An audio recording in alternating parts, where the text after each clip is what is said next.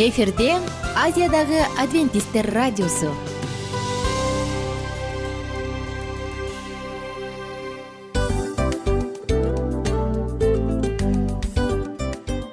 Достор салют.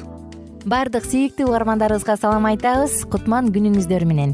Ден соолук өмүрдүн булагы демекчи саламат саамы программасында баарыңыздарды көргөнүбүзгө абдан кубанычтабыз. Анда алгач амандашып өтөлү арбаңыздар деп. Ден соолугуңуздар кандай элибизде көбүнчө ден соолук кандай дегенде эле жакшы деп жооп беребиз э? ооруп турсак дагы жакшы дейбиз. Анан мен муну айтып ойлойт элем бул абдан сонун сөз депчи анткени бул жакшы деген үмүт да э ооба баары жакшы болот. Баары сонун. Деп үмүттөнүп атып эле өзүбүздү өзүбүз дарылап коебуз.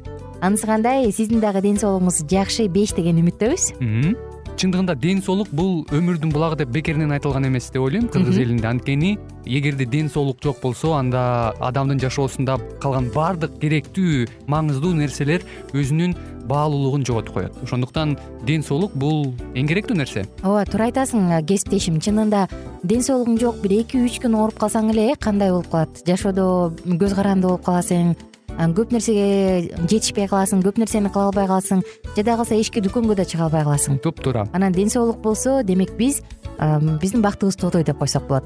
Анда достор саламат рубрикабызды баштайлы. Алдыда өзүңүзгө керектүү болгон сонун кеңештерди уга аласыздар. Мына ошондуктан биз менен бирге болуңуздар. Ал эми биз болсо милан жана айнура.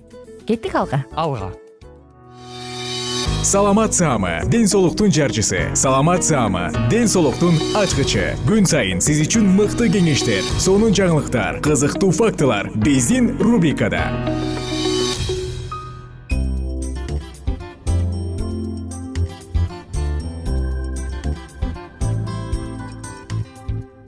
Кутман күнүңүздөр менен кадырлуу замандаштар достор кымбаттуу сүйүктүү жана биздин эң эле кымбаттуу болгон сонун угармандарыбыз жалпыңыздар менен саламатсыамы рубрикасындабыз жана бүгүнкү тема зарына деп аталат. Ии кыжылдап зарына болуп атам деп семичкени өкүртө чаккандарды көрсөңүз керек. Же болбосо аи зарына кыйнадай эмне кылам? деп айласы кетип аны да муну да ичип көрүп ушундай кыйналган адамдарды көрүп сооданы уламыл ичкендерди көрөсүң дагы бооруң ооруйт э?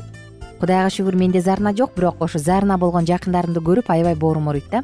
Эмне кылаарын билбей калышат карандай чай да иче албай калышат кызыл чай да иче албай калышат айтор баарынан эле зарына болом деп коркуп калышат. Зарына сизге таанышпы? Анда бүгүнкү уктуруу сизге арналат. Тыңдап жатканыңыз пайдалуу суусундуктар деп аталган цикл жана бул циклда дагы зарнада кандай суусундук ичиш керек? Мына ушул тууралуу кененирээк сөз кылып айтып беребиз. Алгач эле достор сизге бере турган суроом зарна болбой элесизби оозго келген жагымсыз кескин кычкылдаам баарыбызга эле тааныш болсо керек. Өзгөчө зарнасы барларга анткени ар бир адам зарна илдетине жок дегенде бир жолу кабылат. Аз убакыттын ичинде арбын кыйноого салган зарнадан арылуунун жана анын алдын алуунун жолдору тууралуу биз бүгүн кеп кылалы. Зарна өзү кызыл өңгүчтөгү өзгөчө анын төмөнкү бөлүгүндөгү кыжылдоо сезими. Карындан кычкыл суюктук кызыл өңгүчкө өтүп кеткенде оозго жагымсыз даам келет зарна ашказан маңызынын кычкылы көбөйүп же төмөндөп кеткенде туз кислотасы такыр жок болуп кеткен учурларда байкалат. Кээде адам өз нормасынан ашыкча тое жеп алганда же тамактанган соң сиңирбей туруп тезинен жатып алганда ашказандын ар кандай ооруларында жана кош бойлуулукта зарна пайда болот. Зарна адатка айланган учурда эмне кылыш керек? Эгер ашказандагы кычкылдуулук бат баттан байкалып жагымсыздык көп болсо анда тамактануу рационунан зарнаны чакыруучу сарымсакты. Алкоголдук ичимдиктердин ичинен кызыл винону кофени ачуу жана ычыталган азыктарды чыгарып салуу керек. Тамактануу боюнча зарнанын бат баттан пайда болуусуна жалбыз даамдуу сагыздар да өбөлгө түзөт. Андыктан андай сагызды колдонуудан алыс болуңуз. Ошондой эле уктаардан бир эки саат мурун тамактанууну адатка айланган оң ал эми уктаарда башыңызды кичине бийигирээк кылып чалкаңыздан жатыңыз көбүнчө элдик ыкмада гречка соода укроптун уругун сүт ромашка гүлүн капуста ушунун баардыгын тең колдонуп келишет э? Бирок баардык эле учурда тилекке каршы жардам бере бербейт. Эми биз зарна учурунда эмне кылса болот? Кандай сок ичсе болот? Келиңиздер керемет соктун рецеби менен бөлүшөлү. Чындыгында муну медицинада гастроэзофегалдык рефлюкс деп коюшат э тагыраак айтканда мында хиаталдык грыжа пайда бар. Ашказанда баягы тамак сиңирүү органында хиаталдык грыжа бар. Ошондон улам кислота өзүнү ашып ташыйт дагы анан аны жаап туруучу свинктер же клапандар жакшы иштебей калат. Бул ашказан менен ичегинин ортосунда клапан анан акырындык менен ал жакшы иштебей калган учурда ашказандын э, суусундугу ширеси же суюктугу оозду көздөй келе баштайт мындай учурда химиялык препараттарга каршы анын ордуна биз зарнаны басуучу сонун ыкма менен бөлүшөлү. Мындай ыкманы колдонууда сиз эгерде эффективдүү болсун десеңиз күнүнө бир нече стакан ичип туруңуз. Ошондо гана сиз качан зарнаны сезе баштаганда гана муну ичип туруу менен мындай зарнадан арыла аласыз. Тагыраак айтканда күнүнө үч жолкудан алты жолу ичиш керек. Зарнага каршы соктун касиетин айтсак антоциттик тазалоочу тамак сиңирүүнү жакшыртуучу организмди уулуу заттардан тазалоочу жана антидиареялык касиети бар. Эгерде сизде ушундай ашказанда зарна деген көйгөй бар болсо андан колдон келишинче кофе газдалган суусундуктар майларды алып салганга аракет кылыңыз. Анын ордуна биз айта турган сокту ичиңиз. Ингредиенттер сизге эмне керек алты порция үчүн жүз жыйырма беш миллилитрден ар бири эгер сиз күнүнө алты порция ичсеңиз анда бул сизге даана керек. Беш сабиз орточо өлчөмдө бир кабачок орточо өлчөмдө бир картошка.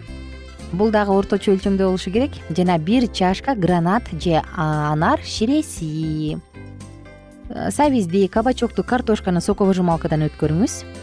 Ага гранат же анар сугун кошуңуз дагы аралаштырыңыз. Болду муздоткучка салып коюп күнүнө жарым стакандан үчтөн алты жолу ичип туруңуз. Бул сизге мыкты жардамчы. Дагы бир жолу айтайын. Беш сабиз орточо өлчөмдө бир кабачок бир картошка бир чашка анар ширеси. Болду болгону гана ушул төрт ингредиент азык керек. Эми сабизди кабачок картошканы соковыжималкадан өткөрүңүз ага пайда болгон алынган нерсеге сиз анар согунун кошуңуз дагы жакшылап аралаштырыңыз. Муздаткычка салып коюп күнүнө үчтөн алты жолу зарна башталаар менен жарым стакандан ичип туруңуз. Болду. Бул нерсе артта калат. Эми зарна жөнүндө сөз кылганда кош бойлуу айымдарда дагы зарна бар эмеспи э алар көп азапташат өзгөчө кош бойлуулуктун он үчүнчү он төртүнчү жумаларынан баштап күч алып айрымдарда зарна төрөткө жакын өтө күчтүү болуп кетет мында өзгөчө гормон прогестерон иштелип чыгып аткан учур. Ал баардык органдардын булчуңдарын бошотот. Алардын катарында кызыл өңгөч менен ашказандын булчуңдары дагы бошоп кычкылтектин ашказандан кызыл өңгөчкө өтүшүнө тоскоолдук жара болот дагы натыйжада зарна пайда болот. Караңызчы кызыл өңгөч менен ашказандын булчуңдары дагы бошоп кеткенден улам кычкылтек ашказандан кызыл өңгөчкө өтөт мындай учурда тамакты өтө тамактанган өтө тое тамактанган учурда газдалган суусундуктарды ичкенде кычкыл жер жемиштерди жегенде жаралат. Буга кошумча денеге жармашкан кийим дагы кош бойлуу айымдар дагы зарнаны күчөтөт. Үй шартында эмне кылсаңыз болот? Чалкаңыздан жатыңыз. Зарнаны алдын аласыз. Кайгырып катуу ойлонуудан алыс болуңуз. Зарнанын алдын алыш үчүн көп эңкейе бербөө дагы керек. Тамактангандан кийин эки үч саатка чейин уктабай сейилдеп басыңыз. Тамак сиңип кетсин башталганда зарна башталганда бадамды майдалап кыргычтан өткөрүлгөн сабиз менен аралаштырып жеңиз бул кош бойлуулар үчүн. Бир күндө төрт жолу тамактанаарга он беш жыйырма мүнөт калганда бир аш кашыктан картошканын ширесин ичип коюңуз. Бул нерселердин баардыгы тең албетте сизге жардам берет. Жана биз айткан зарнага каршы сокту дагы ичиңиз. Бул витаминдүү албетте пайдалуу жана эч кандай зыяны тийбейт ыкмаларды колдонуңуз өзүңүздүн саламаттыгыңызга кам көрүңүз. Мен болсо сиздер менен коштошом. Жана кийинки уктуруудан амандашканча сак саламатта туруңуздар.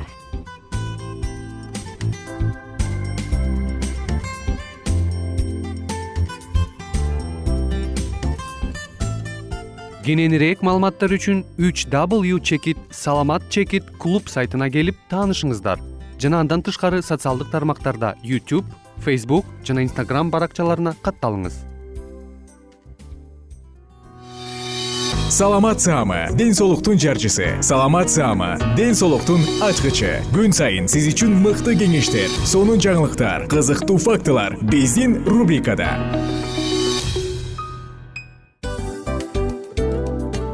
Салам достор.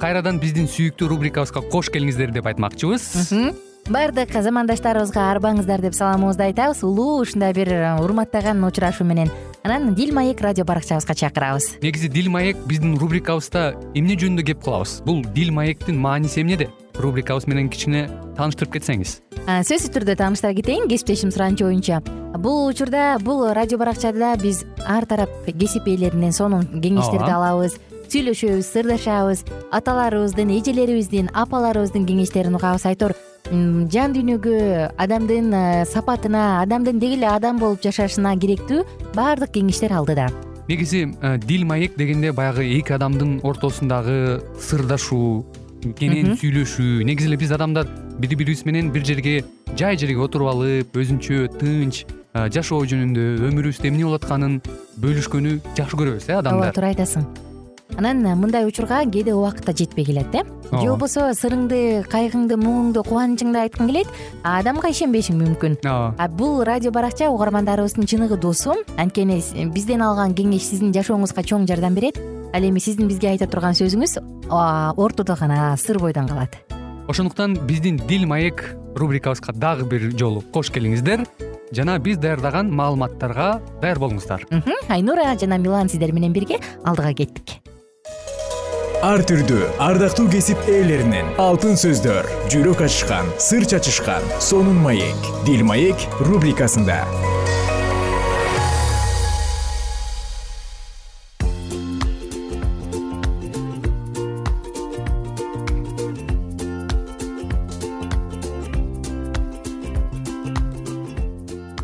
салам достор.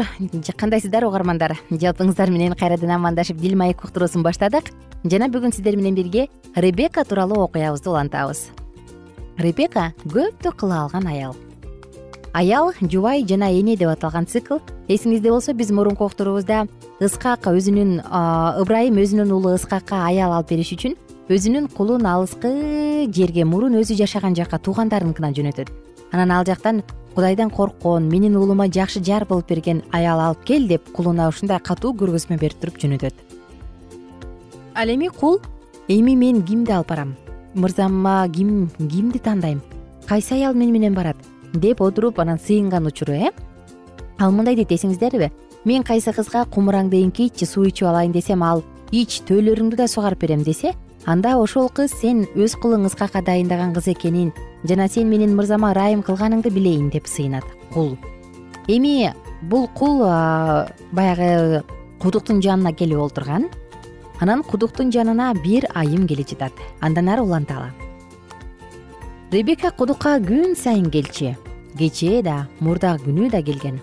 Бирок бүгүн эмнегедир толкунданып жатты ал тигилее караган бейтааныштын көз карашынан улам толкунданып жаткан. Анын карап турушу кызды кооптоткон жок. Кыз анын өтүнүчүн чын жүрөктөн аткарып ага суу берди. Бирок алдыда өзгөчө бир нерсе боло тургансып жүрөгү эмне мынча тез тез согуп алып учат? Басыгы жеңилдеп колдоруна каруу киргенсийт кыз бирөөгө жакшылык кылгысы келип турду. Бейтаанышка төөлөрүңдүн да суусуну кангыча сузуп келип берейин деди. Төөлөрдү сугаруу үчүн убакыт талап кылынды бирок бул кыздын куунак көңүлүн өзгөрткөн жок. Кыз бул оор ишти оңой жана кубаныч менен аткарып жатты. Ушул учурларда ал бейтааныштын сынай караган көз карашын сезип жатты. Ал кызды унчукпастан карап турду. Андан соң белек катары кызга алтын жасалгаларды берди. Буга кыз бир чети таң калды кымбат баалуу жасалгалары менен кийип турган кийимине караганда бейтааныш бай мырзанын элчиси көрүнөт. Кимдин кызысың? деп сурады ал жайдары. Кыз анын үнүнөн калтыраганын жашырып жатканын байкады бекен нахор менен милканын уулу бетуэлдин кызымын деп жооп берери менен аны таң калтырып бейтааныш жерге жүз төмөндөп жыгылып кудайды даңктады. Кыз анын ыраазычылык сыйынуусунан абасы ыбрайымдын ысымын укканда бул таң каларлык адам узак жолго алардын үй бүлөсүнө келиш үчүн чыкканын түшүндү. Баарын айтып берүү үчүн ал үйүн көздөй чуркады. Бул түнү бетуэлдин үйүндө эч кимдин уктаганга убактысы да болгон жок. Ребеканын агасы лабан бейтаанышты үйүнө ээрчитип келип ал болсо иштин жайын түшүндүргөн соң баары тең бул кудайдын жетеги деген жыйынтыкка келишти. Алар ыскактын туулушу менен жашоосу кудайдын убадасынын аткарылышынын далили болгондой эле ыскакка аял издөө да кудайдын убадаларына негизделгенин угушту. Анын үйлөнүүсү да ушундай болот. Ыбрайым менен элезер убадаларга таянып иш кылышты. Алар кудайдын жетектээрине жана сыйынууларын угаарына бекем ишенишкен. Алардын ишеними акталды. Кудай өзүнүн жолун ребекканын үй бүлөсүнүн макулдугу аркылуу таамай көрсөтүп берди үй бүлө куруу жубайлар үчүн эле маанилүү эмес. Ал бүтүндөй үй бүлөгө өзгөчө ата энелерге тийиштүү нерсе. Кийинчерээк муса кудайдын осуяттарында балдар ата энелерин урматташы керектиги жөнүндө айтылганын айткан. Сулайман да баардык ишчи кеңешчилер менен талкуулоо зарыл экенин эскертет. Эгерде ата энеси жана кеңешчилер балдарынын үйлөнүүсүн туура көрсө жана үй бүлөлүк жашоо толугу менен кудай сөзүнө жана сыйынууга негизделсе мындан кудайдын жетегин көрүүгө жана алдыда жашыл жарык күйүп турганына ишенүүгө болот.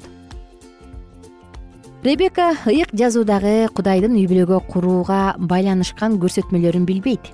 Алар анда жазыла элек болчу бирок кудайдын элезерди түз эле ага алып келиши аны бул киши менен барасыңбы?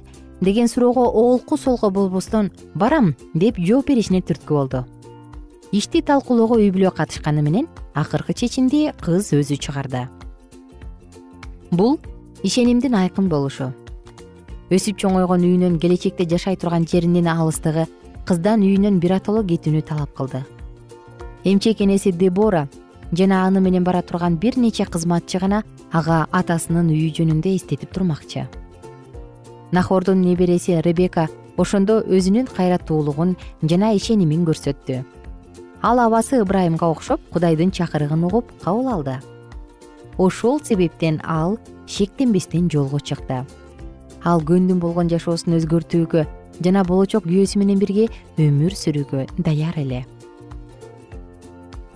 Жолугушуу талаада өттү. Чатырдын ичи ыскак үчүн таар болуп ал ойлонуп сыйынуу үчүн сыртка чыкты.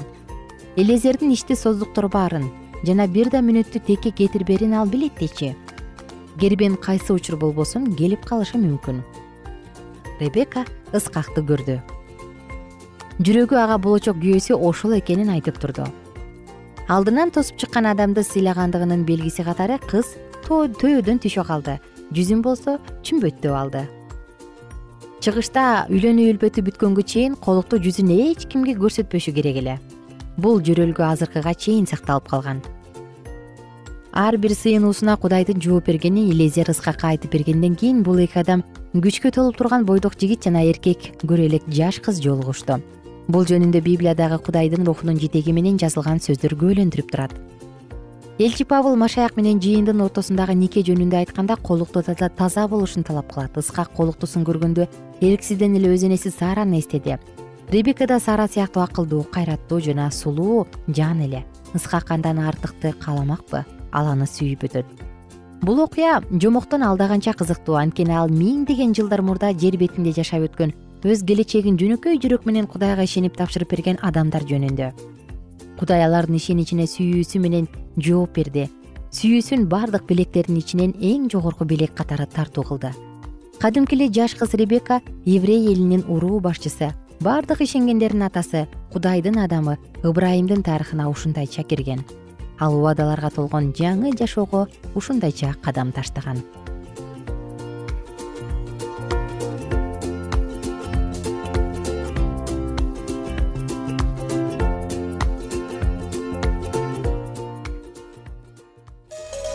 Ар түрдүү ардактуу кесип ээлеринен алтын сөздөр жүрөк ачышкан сыр чачышкан сонун маек дил маек рубрикасында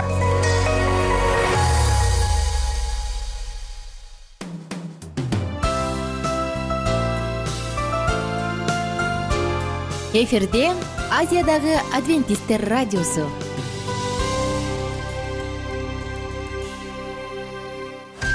Жан дүйнөңдү байыткан жүрөгүңдү азыктанткан жашооңо маңыз тартуулаган жан азык рубрикасы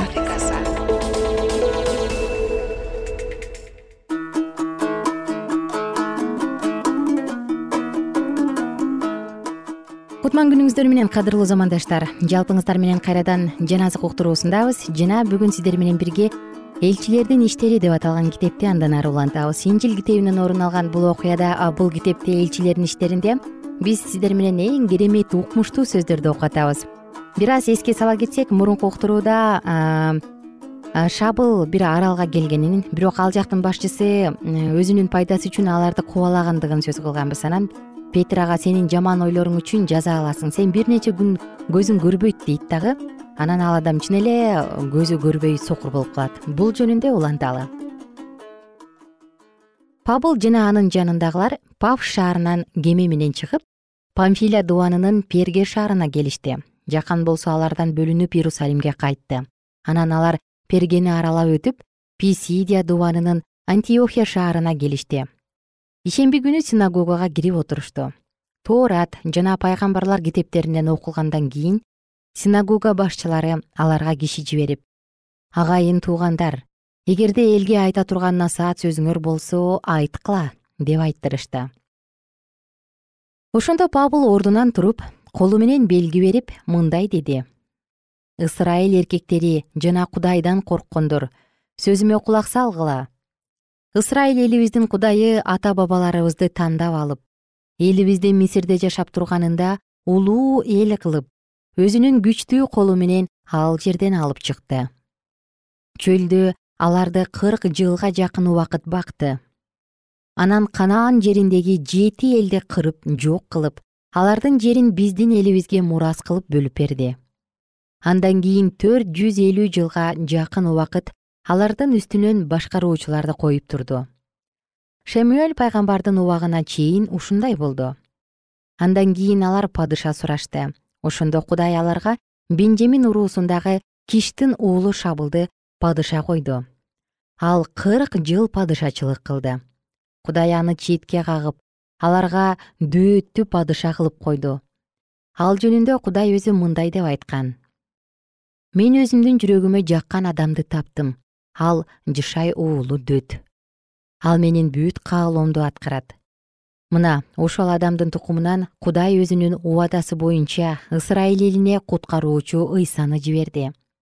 Анын келерине жакын чөмүлдүрүүчү жакан бүт ысрайыл элине тобо кылуу чөмүлдүрүүсү жөнүндө жар салды. Жакан өмүрүнүн акырында мындай деди. Мен ким деп эсептейсиңер мени? Мен ал эмесмин ал менин артымдан келе жатат. Мен анын бут кийимин чечүүгө да татыксызмын. Агайын туугандар ыбрайымдын урпактары жана кудайдан корккондор. Ошол куткарылуу жөнүндөгү жакшы кабар силерге жиберилген. Анткени иерусалим тургундары жана алардын башчылары аны тааныбай айыпташты. Ошентип алар ар бир ишемби күнү окулган пайгамбарчылыктарды ишке ашырышты. Андан өлүм жазасына тарткылай айыптаба алышпаса да пилаттан аны өлтүрүүнү өтүнүштү. Ал жөнүндө жазылган сөздөрдүн бардыгын иш жүзүнө ашырышкандан кийин анын сөөгүн жыгачтан түшүрүп көргө коюшту. Бирок кудай аны тирилтти.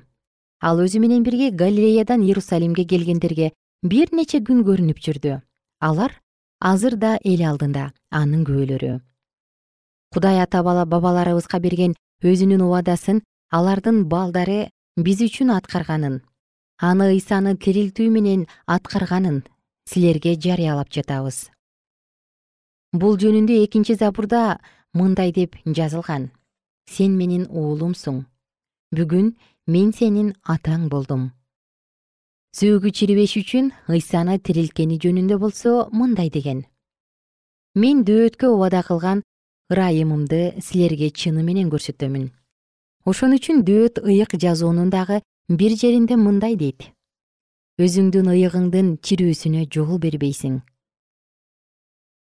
Бирок дөөт өз учурунда кудайдын каалоосу боюнча өз элине кызмат кылып бүткөндөн кийин көз жумуп ата бабаларынын жанына коюлду. Анын сөөгү чириди.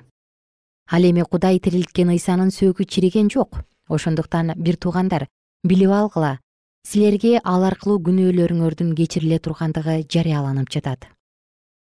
Мусанын мыйзамы аркылуу актала албаган иштериңердин бардыгынан ал аркылуу акталасыңар. Ага ишенген ар бир адам ал аркылуу акталат. Ошондуктан сак болгула. Пайгамбарлар айткан мына бул сөздөр башыңарга түшпөсүн. Жек көрүүчүлөр карагыла да таң калып жок болуп кеткиле. Анткени мен силердин күндөрүңөрдө бир иш жасайм ал иш жөнүндө силерге ким айтып берсе да ишенбейсиңер. Барнаба менен пабыл жүйүттөрдүн синагогасынан чыгып бара жатышканда бутпарастар алардан ушул сөздөрдү кийинки ишембиде да айтып берүүлөрүн өтүнүштү. Эл тарагандан кийин көптөгөн жүйүттөр жана бутпарастардын арасынан кудайга кайрылган кудайды ыйык туткан прозелиттер пабыл менен барнабаны ээрчип алышты. Бул экөө алар менен сүйлөшүп аларга кудайдын ырайымы астында болуу жөнүндө насаат айтышты кийинки ишемби күнү дээрлик бүт шаар кудайдын сөзүн угуу үчүн чогулду. Бирок жүйүттөр элди көргөндө көрө албастык кылып пабылдын сүйлөгөн сөздөрүнө каршы жаман сөздөрдү айтышты. Ошондо пабыл менен барнаба кайраттуулук менен мындай дешти. Кудайдын сөзү баарынан мурда силерге айтылышы керек эле бирок силер аны четке кагып өзүңөрдү өзүңөр түбөлүк өмүргө татыксыз кылып жатканыңардан улам биз бутпарастарга кайрылып жатабыз. Анткени теңир бизге мындай деген сен бүт жер жүзүндөгү адамдарды куткарышың үчүн мен сени бутпарастарга жарык кылып койдум.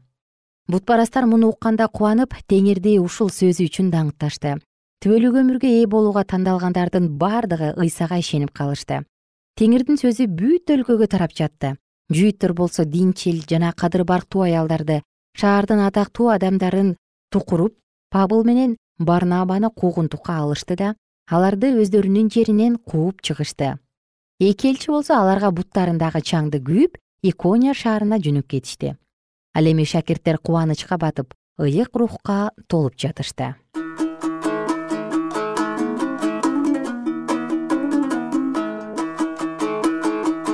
Достор жалпыңыздар менен бүгүн дагы биз элчилердин иштеринен жыйындын алгачкы учурундагы тарыхынан сонун окуяларды бирге окудук сиздер менен убактылуу гана коштошобуз. Кийинки уктурууда андан ары окуябызды улантабыз. Күнүңүздөр көңүлдүү улансын. Бүгүнкү күн сиз үчүн эң сонун мүмкүнчүлүктөрдү тартуулаган жакшы кабарды тартуулаган күндөрдөн болсун. Бар болуңуздар.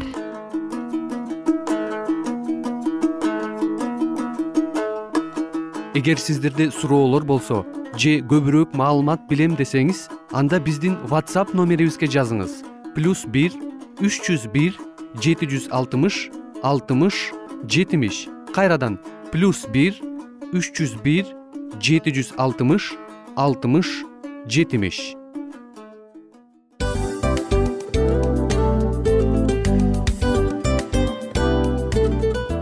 Достор биздин радио баракчаларыбыз соңуна келди. Демек бул программабызды дагы жыйынтыктаочу учур келдик.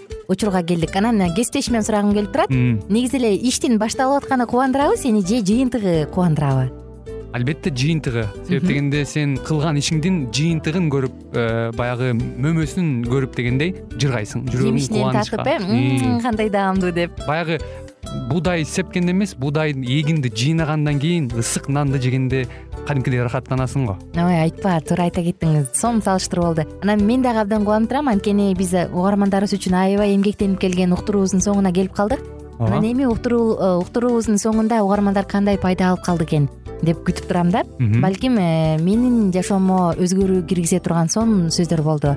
Мен ушул нерсени изилдеп анан кабыл албасам ушул нерсени кылбасам деген чечим чыгарсаңыз анда биз абдан кубанычтабыз сөзсүз түрдө андыктан кийинки биздин кызыктуу уктурууларыбыздан көрүшкөнчө сак саламатта калыңыздар. Чыдамсыздык менен сиздерди мен милан жана кесиптешим айнура күтөбүз баардык угармандарыбызга ийгиликтүү күн каалайбыз. Качан гана болбосун уртуңуздан жылмаюу кетпесин үйүңүздө көмүр жүрөгүңүздө көңүл болсун дейли